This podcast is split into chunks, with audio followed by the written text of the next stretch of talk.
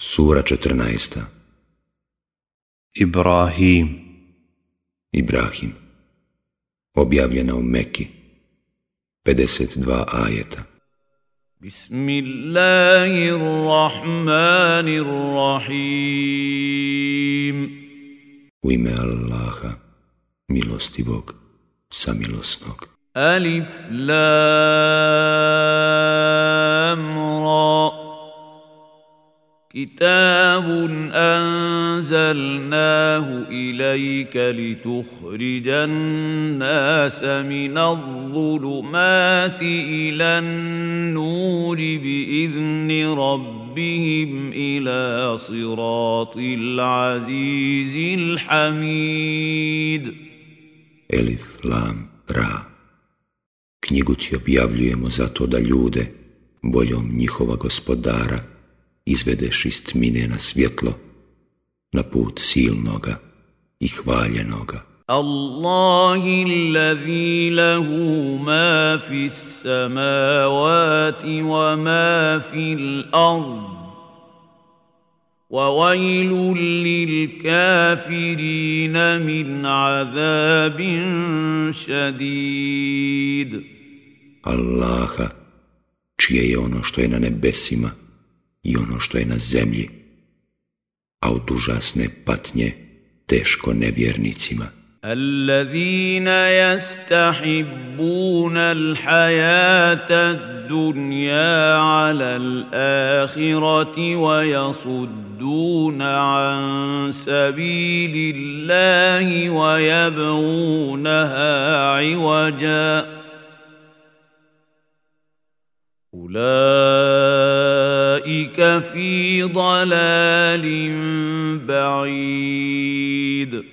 Koji život na ovome svijetu više vole od onoga svijeta i koji od Allahova puta odvraćaju i nastoje ga prikazati krivim. Oni su u velikoj zabludi. وما ارسلنا من رسول الا بلسان قومه ليبين لهم فيضل الله من يشاء ويهدي من يشاء وهو العزيز الحكيم Mi nismo poslali ni jednog poslanika koji nije govorio jezikom naroda svoga, da bi mu objasnio, a Allah ostavlja u zabludi onoga koga hoće i ukazuje na pravi put onome kome hoće. On je silni i mudri ولقد ارسلنا موسى باياتنا ان اخرج قومك من الظلمات إلى النور وذكرهم بايام الله Inna fi zalika la ajatin li kulli šakur. I Musa smo poslali s dokazima našim. Izvedi narod svoj iz tmina na svjetlo i opomeni ga Allahovim danima. To su uistinu dokazi za svakog onog koji je strpljiv i zahvalan. واذ قال موسى لقومه اذكروا نعمه الله عليكم اذ انجاكم من ال فرعون يسومونكم سوء العذاب ويذبحون ابناءكم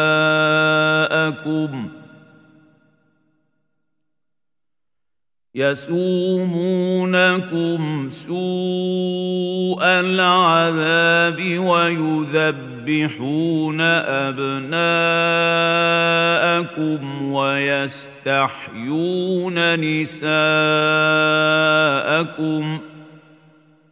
وفي ذلكم بلاء من ربكم عظيم kad Musa reče narodu svome, sjetite se Allahove blagodati, kad vas je izbavio od faraonovih ljudi, koji su vas najgorim mukama mučili, koji su vam mušku djecu klali, a žensku u životu ostavljali. To vam je bilo veliko iskušenje od gospodara vašega.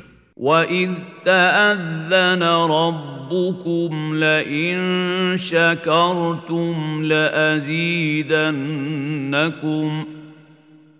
وَلَئِن كَفَرْتُمْ إِنَّ عَذَابِي لَشَدِيدٌ I kad je gospodar vaš objavio, ako budete zahvalni, ja ću vam za cijelo još više dati. Budete li nezahvalni, kazna moja doista će stroga biti. وقال موسى إن تكفروا أنتم ومن في الأرض جميعا فإن الله لغني حميد I Musa još reče, ako budete nezahvalni, i vi i svi drugi na zemlji, pa Allah doista ni o kome nije ovisan. I on je jedini hvale dostojan. ألم يأتكم نبأ الذين من قبلكم قوم نوح وعاد وثمود والذين من بعدهم لا يعلمهم إلا الله جاءتهم رسلهم بالبينات فردوا أيديهم في أفواههم وقالوا وقالوا إنا كفرنا بما أرسلتم به وإنا لفي شك مما تدعوننا إليه مريب. Zar do vas nije doprla onima prije vas, o narodu Nuhovu, i o Adu, i o Semudu, i onima poslije njih. Samo ih Allah zna. Poslanici njihovi su im dokaze donosili, ali oni su ruke svoje na usta stavljali i govorili, mi ne vjerujemo u ono što se po vama šalje i mi veoma sumnjamo u ono u što nas pozivate. قالت رسلهم أفي الله شك فاطر السماوات والأرض يدعوكم ليغفر لكم من ذنوبكم ويؤخركم إلى أجل مسمى قالوا إن أنتم إلا بشر مثلنا تريدون أن تصدونا عما كان يعبد آباؤنا فأتونا بسلطان مبين Poslanici njihovi su govorili, zar se može sumnjati u Allaha, stvoritelja nebesa i zemlje? On vas poziva da bi vam neke grijehe vaše oprostio i da bi vas do roka određenog ostavio. Oni su odgovorili, vi ste ljudi kao i mi, hoćete da nas odvratite od onih kojima su se preci naši klanjali, pa donesite nam čudo vidljivo قالت لهم رسلهم إن نحن إلا بشر مثلكم ولكن الله يمن على من يشاء من عباده وما كان لنا أن نأتي يأتيكم بسلطان إلا بإذن الله وعلى الله فليتوكل المؤمنون Mi jesmo ljudi kao i vi, govorili su im poslanici njihovi, ali Allah daje poslanstvo samo onim robovima svojim kojima on hoće. Mi vam ne možemo donijeti čudo bez Allahove volje, a vjernici neka se samo u Allaha uzdaju. وما لنا ألا نتوكل على الله وقد هدانا سبلنا ولنصبرن على ما آذيتمونا وعلى الله فليتوكل المتوكلون Zašto da se ne uzdamo u Allaha, kad nas je On putevima kojima idemo uputio? Mi ćemo doista strpljivo podnositi muke na koje nas budete stavljali, a oni koji se uzdaju, neka se samo Allaha uzdaju. وقال الذين كفروا لرسلهم لنخرجنكم من أرضنا أو لتعودن في ملتنا فأوحى إليهم ربهم لنهلكن الظالمين Nevjernici su govorili poslanicima svojim, ili ćete vjere naše biti, ili ćemo vas doista iz zemlje naše protjerati. A poslanicima je gospodar njihov objavljivao, mi ćemo nevjernike sigurno uništiti. وَلَنُسْكِنَنَّكُمُ الْأَرْضَ مِنْ بَعْدِهِمْ ذَلِكَ لِمَنْ خَافَ مَقَامِي وَخَافَ وَعِيدِ I poslije njih vas na zemlji nastaniti. Biće to za one koji će se polaganja računa predamnom bojati i koji će od prijetnje moje strahovati. واستفتحوا وخاب كل جبار عنيد I poslanici su pomoć tražili, pa je svaki oholi i nađija nastradao. من ورائه جهنم ويسقى من ماء صديد Pred njim će džehennem biti i on će biti pojen odvratnom kapljevinom. يتجرعه ولا يكاد يسيغه ويأتيه الموت من كل مكان وما هو بميت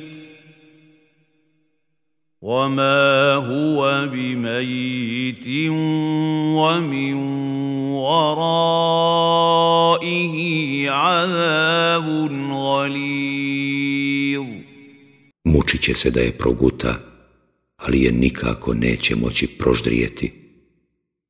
i smrt će mu sa svih strana prilaziti, ali on neće umrijeti.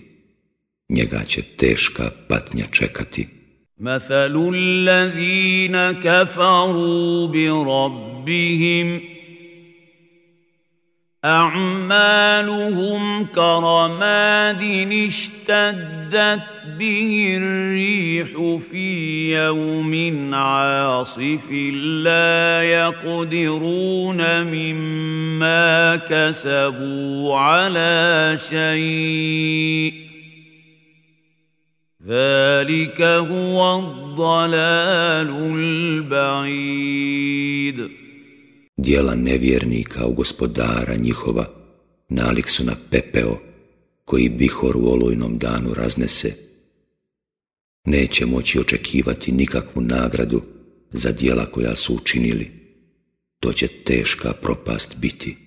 ألم تر أن الله خلق السماوات والأرض بالحق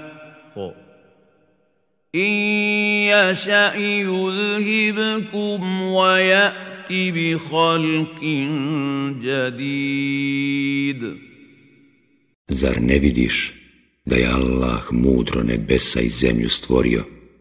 Ako htjedne, vas će udaljiti i nova stvorenja dovesti. وما ذلك على الله بعزيز To Allahu nije teško. وبرزوا لله جميعا فقال الضعفاء للذين استكبروا فقال الضعفاء للذين استكبروا انا كنا لكم تبعا فهل أنتم مغنون عنا من عذاب الله من شيء قالوا لو هدانا الله لهديناكم سواء علينا أجزعنا أم صبرنا ما لنا من محيص. Izići će svi pred pa će oni koji su bili tlačeni reći glavešinama svojim. Mi smo bili vaše pristalice, možete li nam imalo Allahovu kaznu olakšati? Da je nas Allah uputio, odgovorit će oni, i mi bismo bili vas uputili. Žalili se mi ili trpjeli, svejedno nam je, spasa nam više neće biti. وقال الشيطان لما قضي الأمر إن الله وعدكم وعد الحق ووعدتكم فأخلفتكم وما كان لي عليكم من سلطان الا ان دعوتكم فاستجبتم لي فلا تلوموني ولوموا انفسكم ما أنا بمصرخكم وما أنتم بمصرخي اني كفرت بما اشركتمون من قبل إن الظالمين لهم عذاب أليم I kada bude sve riješeno, šeitan će reći, Allah vam je pravo obećanje dao, a ja sam svoja obećanja iznevjerio, ali ja nisam nikakve vlasti nad vama imao, samo sam vas pozivao i vi ste mi se odazivali. Zato ne korite mene, već sami sebe niti ja mogu vama pomoći, niti vi možete pomoći meni. Ja nemam ništa s tim što ste me prije smatrali njemu ravnim.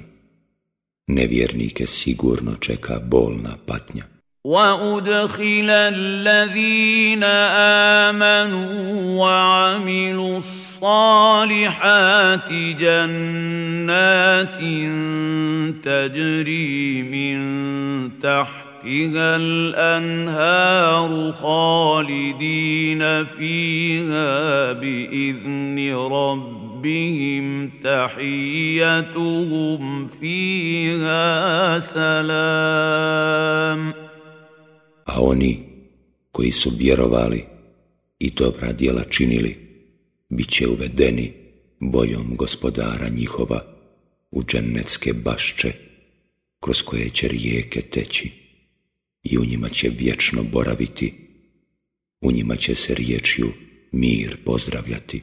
ألم تر كيف ضرب الله مثلا كلمة طيبة كشجرة طيبة أصلها ثابت وفرعها في السماء Zar ne vidiš kako Allah navodi primjer lijepa riječ kao lijepo drvo, korijen mu je čvrsto u zemlji, a grane prema nebu. Tu ti ukulaha kulla hinin bi izni rabbiha ويضرب الله الامثال للناس لعلهم يتذكرون ono plod svoj daje u svako doba koje gospodar njegov odredi.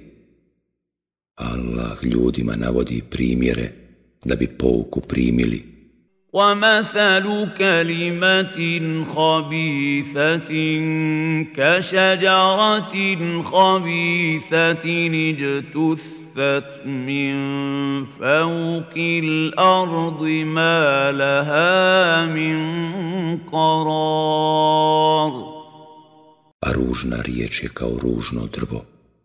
Iščupanom drvetu s površine zemlje nema opstanka.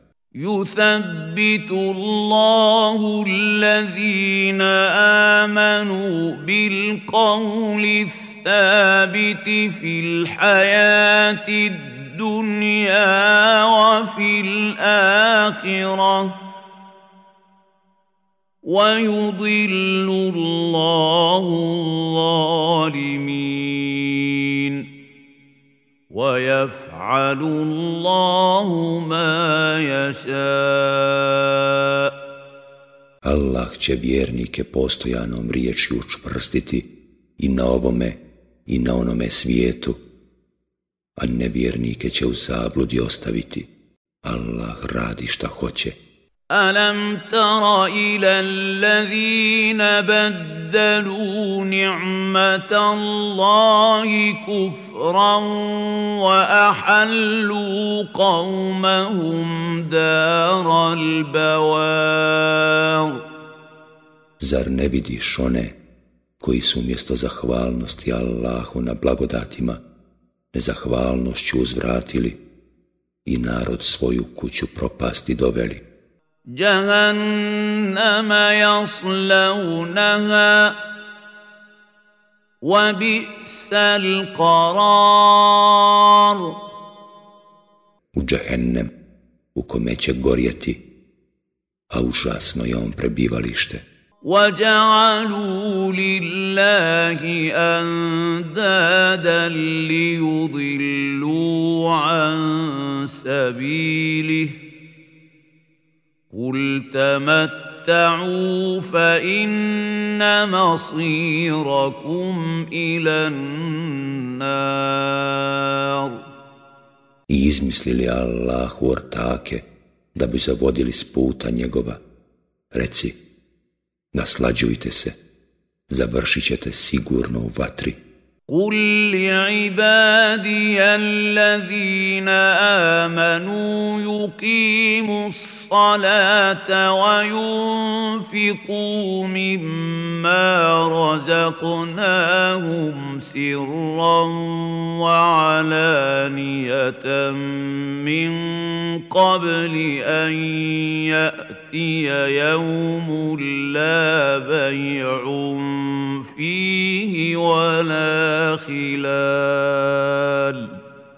Reci vjernicima, robovima mojim, da molitvu obavljaju i da udjeljuju i tajno i javno dio onoga što im mi darujemo, prije nego što nastupi dan u kome neće biti trgovanja ni prijateljstva.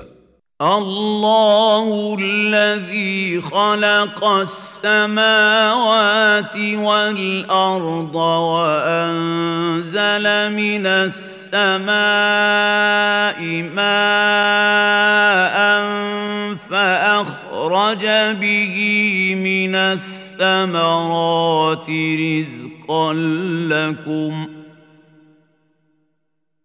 وسخر لكم الفلك لتجري في البحر بأمره وسخر لكم الانهار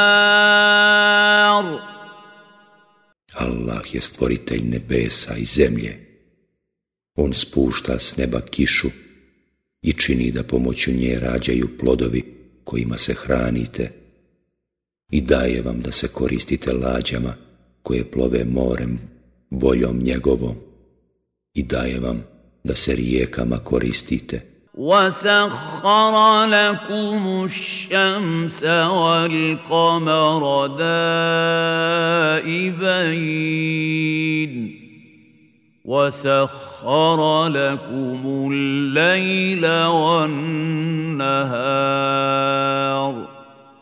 i daje vam da se koristite suncem i mjesecom koji se stalno kreću i daje vam da se koristite noći i danom. وآتاكم من كل ما سألتموه وإن تعدوا نعمة الله لا تحصوها يحصوها إن الإنسان لظلوم كفار I daje vam svega onoga što od njega išćete. Iako biste Allahove blagodati brojali, ne biste ih nabrojali. Čovjek je u istinu nepravedan i nezahvalan. واذ قال ابراهيم رب اجعل هذا البلد امنا واجنبني وبني ان نعبد الاصنام A kada Ibrahim reče, gospodaru moj, učini ovaj grad sigurnim i sačuvaj mene i sinove moje, da se klanjamo kumirima. Rabbi إنهن أضللن كثيرا من الناس فمن تبعني فإنه مني ومن عصاني فإنك غفور رحيم Oni gospodaru moj, mnoge ljude na stramputicu naveli. Onaj ko bude mene slijedio, moje je vjere, a onaj ko bude protiv mene ustajao, pa ti u istinu praštaš i samilostan si. Rabbana inni askantum ذريتي بواد غير ذي زرع عند بيتك المحرم. رب ربنا ليقيموا الصلاة. ربنا ليقيموا الصلاة فاجعل أفئدة من الناس تهوي إليهم وارزقهم من الثمرات لعلهم يشكرون Gospodaru naš, ja sam neke potomke svoje naselio u kotlini u kojoj se ništa ne sije, kod tvoga časnog hrama, da bi gospodaru naš molitvu obavljali. Zato učini da srca nekih ljudi čeznu za njima i obskrbi ih raznim plodovima da bi zahvalni bili. Rabbana innaka ta'lamu ma nuhfi wa ma nu'lin wa ma يخفى على الله من شيء في الأرض ولا في السماء Gospodaru naš, ti zacijelo znaš šta mi tajimo, a šta na javu iznosimo. Allahu ništa nije skriveno, ni na zemlji, ni na nebu. الحمد لله الذي وهب لي على الكبر إسماعيل وإسحاق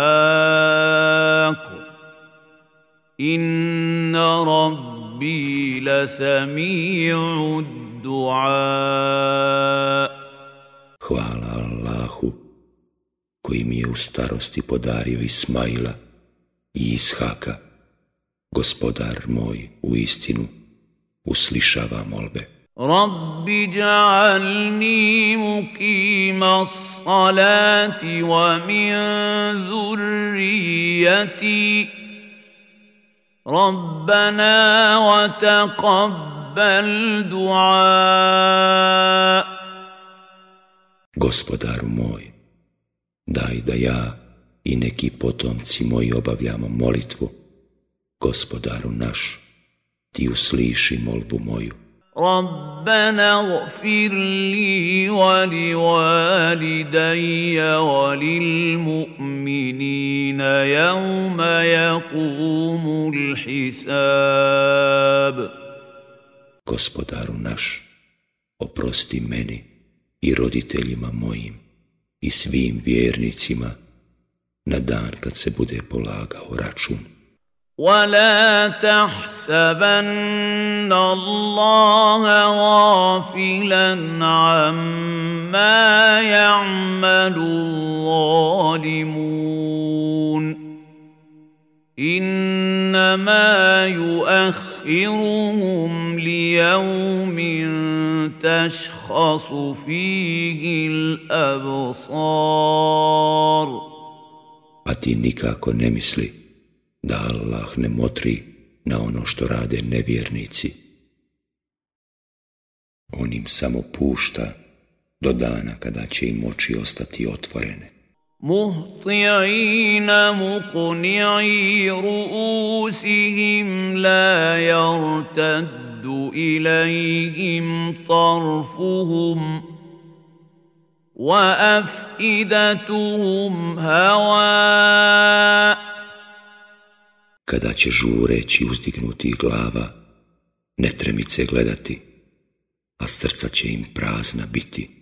وأنذر الناس يوم يأتيهم العذاب فيقول الذين ظلموا ربنا أخرنا إلى أجل قريب نجب دعوتك ونتبع نتبع الرسل.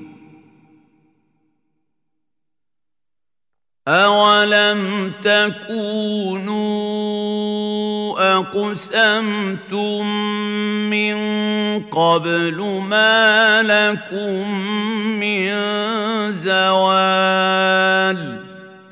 Ti opominji ljude danom, kada će im kazna doći, kada će oni koji su se ugriješili prema sebi govoriti, gospodaru naš, ostavi nas još samo kratko vrijeme, odazvat ćemo se pozivu tvome i slijedit ćemo poslanike, a zar se prije niste zaklinjali da nećete na onaj svijet? وسكنتم في مساكن الذين ظلموا أنفسهم وتبين لكم كيف فعلنا بهم وضربنا لكم الأمثال.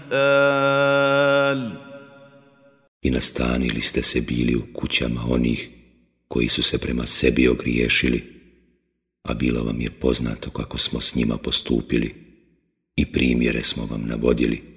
وقد مكروا مكرهم وعند الله مكرهم وإن كان مكرهم لتزول منه الجبال I oni lukavstva svoja pletu, Allah zna za lukavstva njihova, samo što lukavstva njihova ne mogu brda pokrenuti. فلا تحسبن الله مخلف وعده رسله ان الله عزيز ذو انتقام Nemoj ni pomisliti da Allah neće održati obećanje svoje poslanicima svojim. Allah je u istinu silan i strog. يوم تبدل الارض غير الارض والسماوات وبرزوا لله الواحد القهار Na dan kada zemlja bude zamijenjena drugom zemljom, a i nebesa, i kad svi iziđu pred Allaha jedinoga i svemoćnoga, وترى المجرمين يومئذ مقرنين في الاصفاد toga dana ćeš vidjeti griješnike povezane u zajedničke okove, سرابيلهم من قطران وتغشى وجوههم النار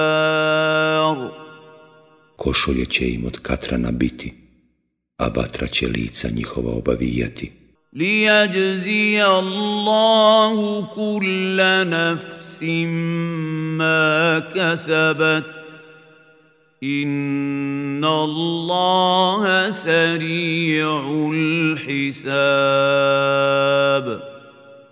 da Allah kazni svakoga prema zasluzi.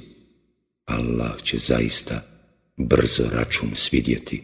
هذا بلاغ للناس ولينذروا به وليعلموا